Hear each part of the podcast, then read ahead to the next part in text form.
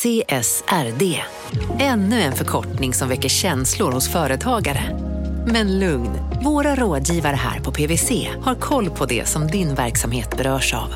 Från hållbarhetslösningar och nya regelverk till affärsutveckling och ansvarsfulla AI-strategier. Välkommen till PWC. Hej! Är du en av dem som tycker om att dela saker med andra? Då kommer dina öron att gilla det här. Hos Telenor kan man dela mobilabonnemang. Ju fler ni är, desto billigare blir det. Skaffa Telenor familj med upp till sju extra användare. Välkommen till någon av Telenors butiker eller telenor.se. Välkomna sommaren med att... Res med Stena Line i sommar och gör det mesta av din semester. Ta bilen till Danmark, Tyskland, Lettland, Polen och resten av Europa. Se alla våra destinationer och boka nu på stenaline.se. Välkommen ombord!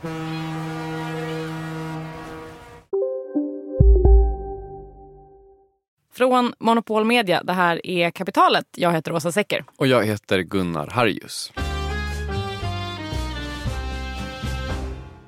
Den här historien börjar i USA. Eh, det är tidigt 1900-tal. En man som heter John C. Burchard köper en livförsäkring. Vi har koll på hur livförsäkringar funkar, eller hur? Jag tror det. Alltså, det är som en, vilken försäkring som helst egentligen. Man betalar en premie varje månad eh, som är typ en hemförsäkring eller vad som helst. Eh, och sen när man dör så får ens eh, anhöriga en klumpsumma med pengar. Och den summans storlek bestäms liksom när man tecknar försäkringen. Exakt. Så John tecknar en sån försäkring. Han hinner betala två premier. Sen blir han sjuk. Jag har inte benkoll på hur sjukvården finansierades i USA för hundra år sedan. Den är inte direkt gratis nu, så man kan ju tänka sig att den inte var det då heller. Det tror jag är rimligt att anta. Så när han blir sjuk då får han svårt att betala den tredje premien på den här försäkringen. Och han inser dessutom då att han skulle behöva genomgå en ganska dyr operation. Jobbigt läge. Men då får han en idé han har ju en grej eh, som inte är värt så mycket just då men så kommer vara värt något när han dör. Livförsäkringen? exakt. Så han går till sin läkare, Dr. Grigsby, och eh, erbjuder honom en deal. Vad är dealen? Dealen är att Dr. Grigsby får köpa John Burchards livförsäkring för 100 dollar. Det motsvarar ungefär 20 000 kronor idag. Mot att han fortsätter att betala premierna på försäkringen och när John Burchard dör så kan han eh, casha in försäkringsbeloppet. Låter så här, shady men inte korkat. Exakt. Dr Grigsby tänker, ja varför inte? Så han går med på det här. Burchards försäkringsbolag går också med på det här. Inte så himla långt efter så dör John Burchard. Det framgår inte riktigt varför han dör och om han hinner genomgå den där operationen eller inte. Jag känner spontant att om det är någon som inte får köpa den här försäkringen så är det hans läkare som har möjlighet att döda honom på operationsbordet. Ja men som sagt, det framgår inte huruvida operationen har genomförts eller inte. Så jag tror att eh, Grigsby är oskyldig till just det. Okej, okay. mm. men det Dr Grigsby gör det är att han cashar in? Ja, alltså riktigt så eh, lätt gick det inte. För att de som skötte Burchards dödsbo, de tyckte att de hade rätt i den här livförsäkringen. Och försäkringsbolaget vet inte riktigt hur de ska hantera det här. Så de går till en domstol och säger så här, hej, kan inte ni tala om för oss vem vi ska ge pengarna till? Typ. Och vad säger domstolen? Det går hela vägen upp till eh, Högsta domstolen faktiskt. Och i Högsta domstolen så konstaterar man att en livförsäkring är att jämställa med privat egendom. Och privat egendom får man ju sälja till vem man vill. Alltså är det okej okay att sälja sin livförsäkring.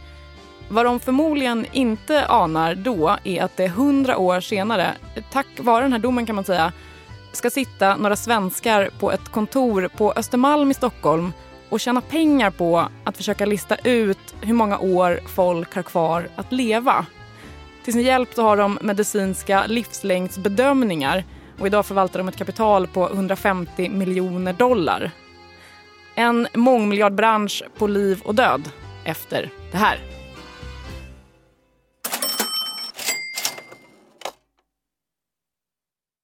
Vi sponsras av Storbrand Asset Management som ju förvaltar över 1000 miljarder norska kronor, bland annat för SPPs eh, många pensionssparare. För två år sedan så investerade Storbrand i drygt 60 tåg, alltså tågvagnar, eh, som rullar mellan London och Skottland. De leasar sedan de här tågvagnarna till tågoperatören som alltså kör tågen och säljer biljetter och sånt eh, med ett avtal på 27 år. Så britterna får nya fina tåg och Storbrandskunder, eh, däribland alltså SPPs pensionssparare, får en inflationsskyddad avkastning med låga risker under lång tid. Det här är ett av supermånga exempel på hur pensionskapitalet i växande omfattning bidrar till att bygga samhället och inte minst till att klara klimatmålen. Det behövs elproduktion, elnät, batteriparker, nya transportlösningar och allt möjligt. Bara i Europa antas investeringsbehovet för att klara klimatmålen uppgå till tusentals miljarder dollar. Och det här är ju pengar som ganska ofta saknas i statsbudgetarna. Däremot är det här pengar som pensionsbolagen kan vara med eh, och stoppa in, vilket ger pensionsspararna en fin avkastning under lång tid samtidigt som man är med och ställer om samhället. Vi har gjort ett helt avsnitt om det här eh, som man kan lyssna på. Det publiceras här i Kapitalet i mitten av maj. Ratta gärna in det om ni vill lära er mer om hur det här funkar. Men tack säger vi till Storbrand Asset Management som ju investerar i alla tänkbara tillgångslag, bland annat för pensionsbolaget SPP. Och tillsammans försöker ju vi, Storbrand och SPP öka medvetenheten om hur pensionerna funkar och vilken roll pensionerna spelar i samhället och i ekonomin.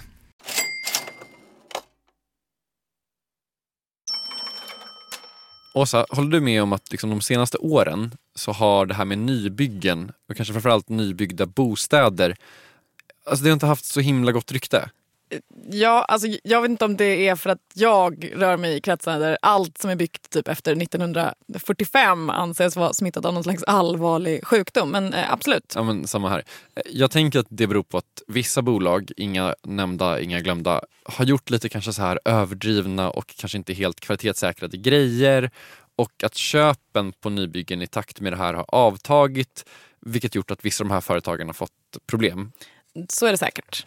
Eh, Järntorget heter ett företag som visserligen inte alls hamnat i, i lika mycket problem som många andra eh, men som ändå fått känna av det här med att det har gått sämre för nybyggnationer på senaste tiden.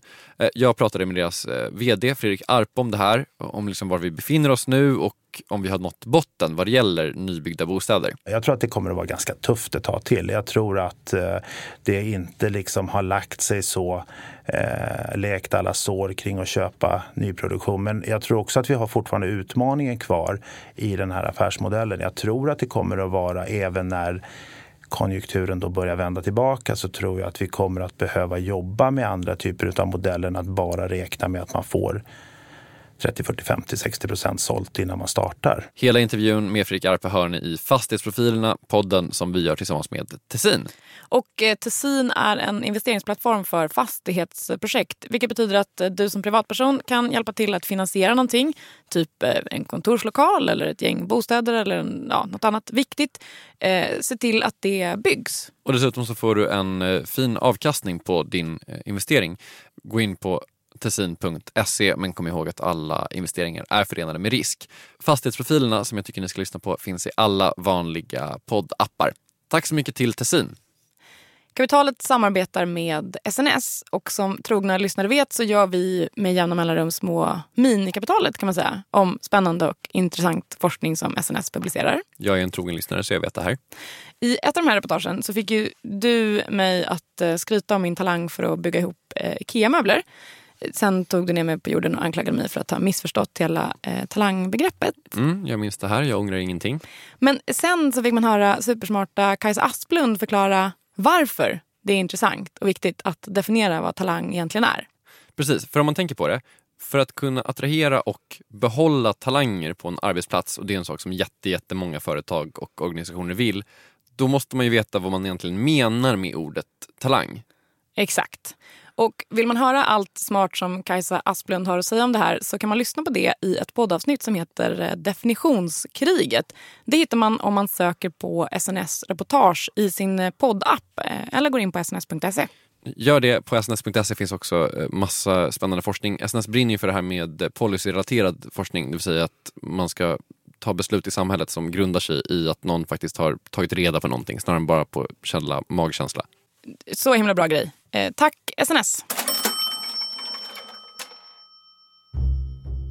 Så för hundra år sedan så sa Högsta domstolen i USA att visst, okej, okay, allt är lugnt, man får sälja sin livförsäkring. Eh, vad händer sen? Ja, men inte supermycket faktiskt. Inte förrän typ 70 år senare på 1980-talet. We are in the middle of an incredible epidemic. The epidemic is of AIDS, acquired immunodeficiency disease. När den här fruktansvärda epidemin bryter ut, aids-epidemin, då var det jättemånga av de som blev sjuka som liksom fattade att de inte skulle överleva. Det fanns ju inga bra mediciner där precis i början. Och precis som många andra amerikaner så var det en hel del av dem då som satt på en livförsäkring. Alltså jag vet inte hur vanligt det är i Sverige att man har en, en livförsäkring. Jag har försökt ta reda på det, jag har inte lyckats med det. Vet du det? Nej. Nej. I USA är i alla fall runt 60 procent som, som har en sån, så det är liksom superpoppis. Och då har man ju möjlighet att fatta ett beslut. Eh, man kan behålla sin försäkring, låta ens anhöriga casha in när man dör. Eller sälja den. Eller sälja den, precis. Det kan ju finnas flera anledningar till att de här personerna skulle vilja sälja sin livförsäkring. Dels var de rätt dyra. Alltså jag läste något exempel på en försäkring som kostade 1000 dollar i månaden. Det är ganska mycket pengar. Verkligen. En annan anledning kan ju vara att man behöver pengar för att ha råd med sina mediciner helt enkelt. Eh, sjukvården i USA är som bekant inte gratis. Hiv-mediciner var inte billiga när de väl fanns att köpa. Vad kunde de kosta? Alltså när den första statligt godkända hiv-medicinen kom 1987, då kostade den 10 000 dollar om året. Jesus. Mycket pengar. Sen är det inte så här super långsökt att tänka att om man vet att man snart ska dö då kanske man vill göra det bästa av den sista tiden man har kvar. Det blir kanske lite lättare om man har en påse pengar. Jag vet inte, det känns inte som en galen tanke. Nej. Det fanns ganska mycket annonser riktade till just den här gruppen. Alltså hiv-positiva, aids-sjuka personer. Det var mycket män. Med just det budskapet. Det kunde till exempel stå så här. Immediate cure for one of the most damaging side effects of aids. Financial devastation. Det är driftigt, men det är också otroligt makabert. Eh, det är det. Men det var liksom det här, alltså att fler och fler så här, hiv och aids-sjuka personer sålde sina livförsäkringar för att de tänkte att de skulle dö snart. Som blev startskottet för andrahandsmarknaden för livförsäkringar. Sen gick det inte riktigt som man hade tänkt sig, alltid, för de som köpte de här försäkringarna. Det kan vi komma tillbaka till sen. Eh, ungefär samtidigt som det här pågår på andra sidan Atlanten, att den här marknaden liksom växer fram, så befinner sig Jonas Mårtensson i London. Och Jonas Mårtensson är vem? Jonas Mårtensson är eh, helsingborgare. Eh, han har jobbat på den internationella finansmarknaden i typ 30 år. På 90-talet så hängde han runt i London och det var då som han liksom trillar över den här lite undangömda marknaden. Alltså marknaden där man köper folks livförsäkringar? Eh, exakt. Ja, det var en, en nischprodukt, ganska okänd och eh, man kunde redan då se att det var ett fåtal amerikanska fonder eh, som var aktiva. Ehm, lite europeiska investerare började intressera sig för det men fortfarande ganska så nischad produkt när vi, vi snackar nu kanske ja, början på 2000-talet. Det var vår chef Jakob Bursell som träffade Jonas Mårtensson för drygt eh, två år sedan när vi sände ut det här avsnittet för första gången. Det här är en nyproducerad repris av den historien. Eh, men stäng inte av nu bara för att du har hört det här avsnittet förut. För det är lite gammalt och lite nytt. Fortsätt eh, lyssna. Då var Jonas Mårtensson eh, grundare och vd för fonden Res Capital. Idag är han ju fortfarande grundare. Den titeln blir man liksom inte av med. Däremot så är han inte längre vd, men han sitter i styrelsen. Fattar. Men okej, Jonas är i London. Han hittar den här, vad han själv bedömer som nischprodukten. Så varför blir han intresserad av den här marknaden? Den är ju, som han själv är inne på, lite udda. Det som tilltalar mig var ju att det här är en helt okorrelerad avkastning. Ska vi ta snabb eh, recap på det här med okorrelerad avkastning eller? Absolut. Så här, att två tillgångar korrelerar med varandra betyder att de ger ungefär samma avkastning över tid. Typ Swedbanks aktie och Nordeas aktie korrelerar rätt bra med varandra. Samma industri, samma marknad. Swedbanks aktie och Sandviks aktie korrelerar kanske inte riktigt lika bra. Det är fortfarande typ samma marknad, Sverige, men det är olika branscher. Men avkastningen på Swedbanks aktie och typ människors förväntade livslängd, vet du vad det inte gör? Det korrelerar inte? Inte det minsta. Och enligt då så här, modern portföljteori så är det en jättebra grej för då sänker det risken för investerare. Alltså det blir som en superdiversifiering. Eh, så här, om man har Swedbank-aktier och lirar på eh, människors livslängd. Om den ena faller så behöver det inte betyda att det händer någonting med den andra. Man har liksom diversifierat på det sättet. Exakt. Här kan eh, Jonas Mårtensson ta vid tror jag. Eh, och den avkastning som man erhåller här spelar ingen roll om börsen kraschar 30% eller går upp 30 eh, Och det är väldigt svårt i finansmarknaden att hitta avkastning som är okorrelerad och att man verkligen hittar någonting som ger en riskdiversifiering. Och det var det som tilltalade mig väldigt mycket med det här tillgångslaget och som gjorde det intressant. Så Jonas tänker att det här är toppen. Eh, flyttar hem från London, grundar Res Capital som alltså är en fond som bygger på att man köper amerikanska livförsäkringar. Vilket låter som en jättebra affär eh, om man gör det här bra. Men det känns ju fortfarande som en supermärklig marknad. Alltså ordet oetiskt känns kanske inte jättelångt borta. Det är åtminstone liksom lite makabert och morbid kanske. Alltså det man gör är ju att man bettar på när folk ska dö, eller? Ja, eh, Jonas Mårtensson har en lite mer eh, pragmatisk syn på det här. Anser att den här marknaden i grund och botten är väldigt positiv för konsumenten i USA. Eh, marknaden är dessutom väldigt välreglerad i USA. Alla avgifter är kända. Barnen som ofta är förmånstagare måste skriva på. Eh, advokater är involverade. Eh, och i grund och botten så betalar vi och andra fonder ett pris som är mycket högre än vad försäkringsbolagen återköper försäkringar till. Och det här som Jonas säger här, det låter inte helt olikt hur man marknadsför de här tjänsterna i USA idag. Det finns en organisation som heter Life Insurance Settlement Association.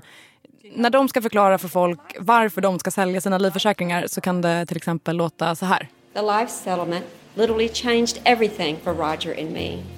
We used the cash to completely pay off all the outstanding medical bills and even had some left over to set aside for future costs for his care and medications. De här tjänsterna marknadsförs ju jättemycket till eh, pensionärer av uppenbara anledningar.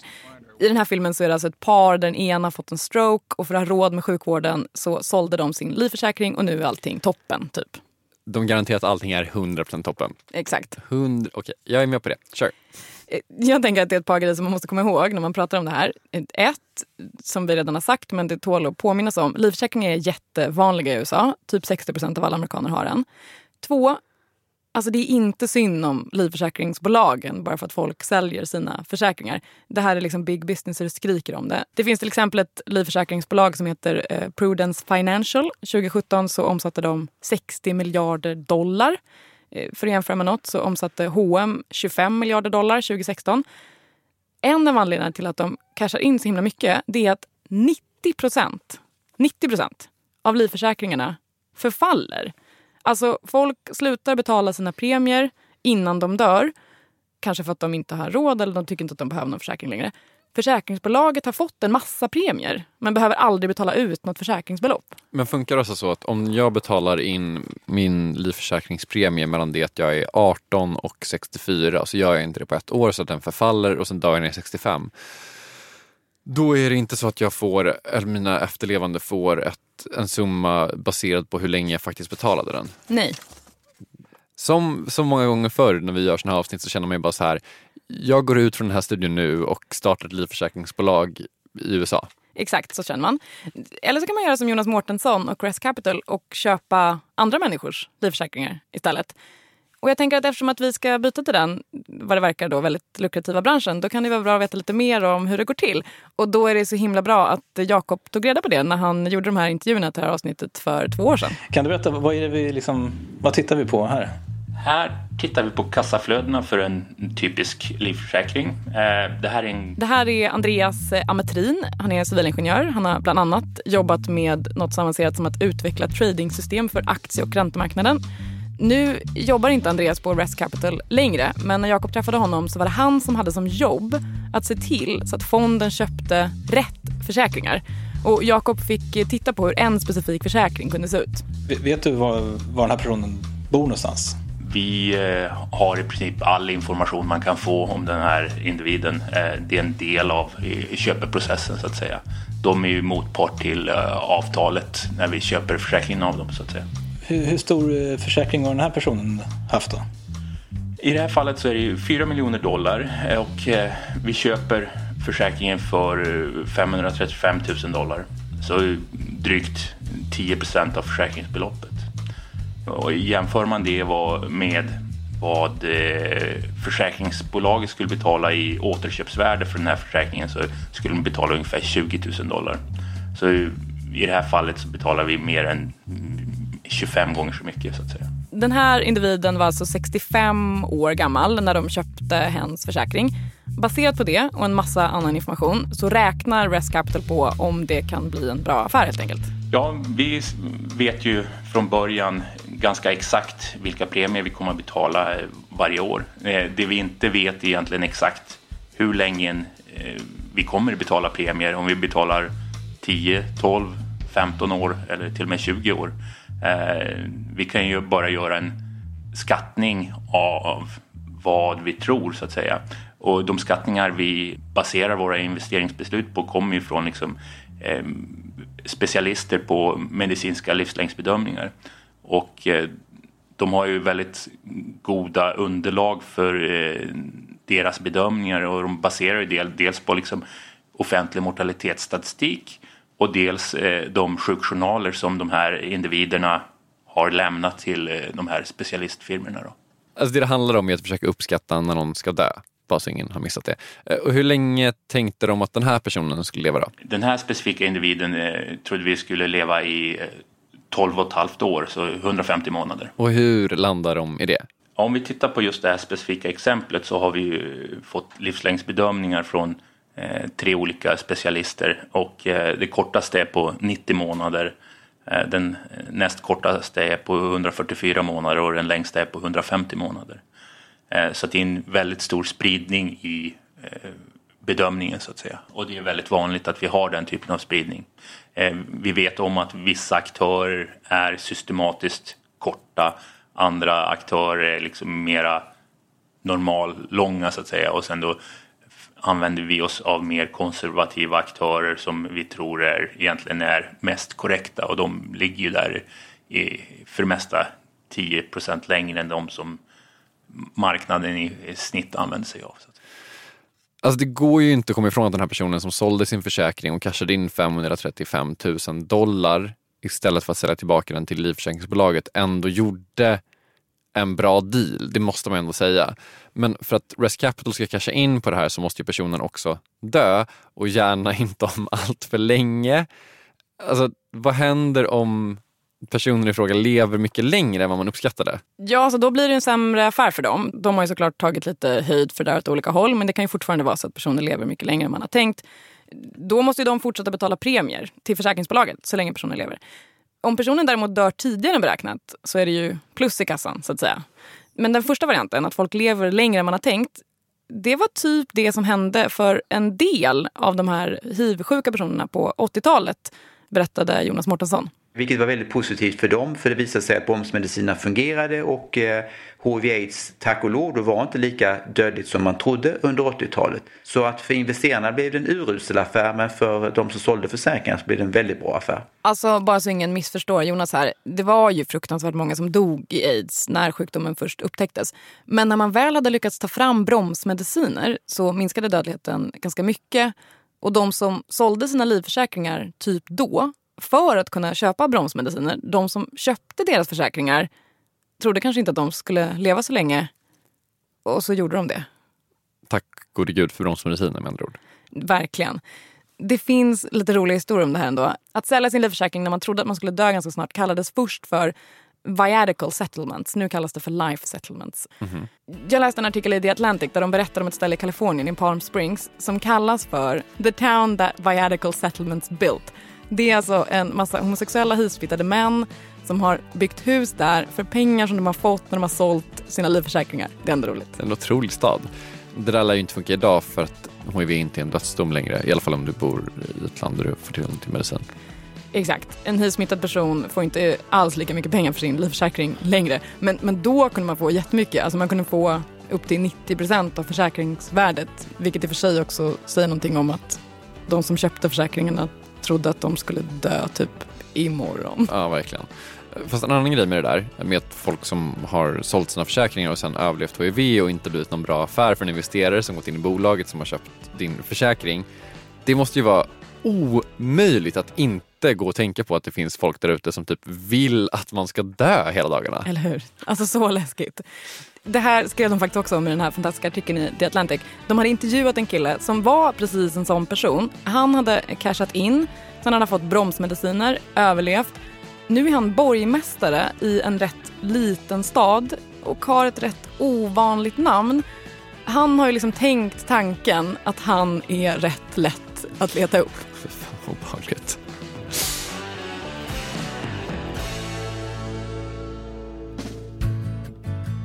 Avslutningsvis, eh, Gunnar, skulle du sälja din livförsäkring om du hade någon?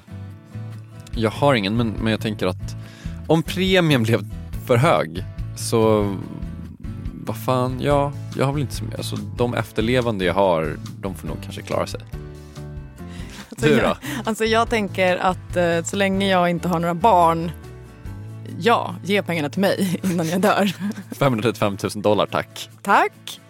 Med det är Kapital slut för idag. Det här avsnittet var en repris. Det var Jakob Bursell som gjorde alla intervjuer våren 2017. Åsa Secker la dem i en annan och bättre ordning. Jakob Bursell är också vår chef och VD för Monopol Media. Kristoffer Krook heter vår ljudtekniker. Jag heter Gunnar Harjus. Glöm inte att följa oss på Instagram. Där heter vi Kapitalet. Och nästa vecka är vi tillbaka med en ny nyproducerad repris. Hej då! Hej då!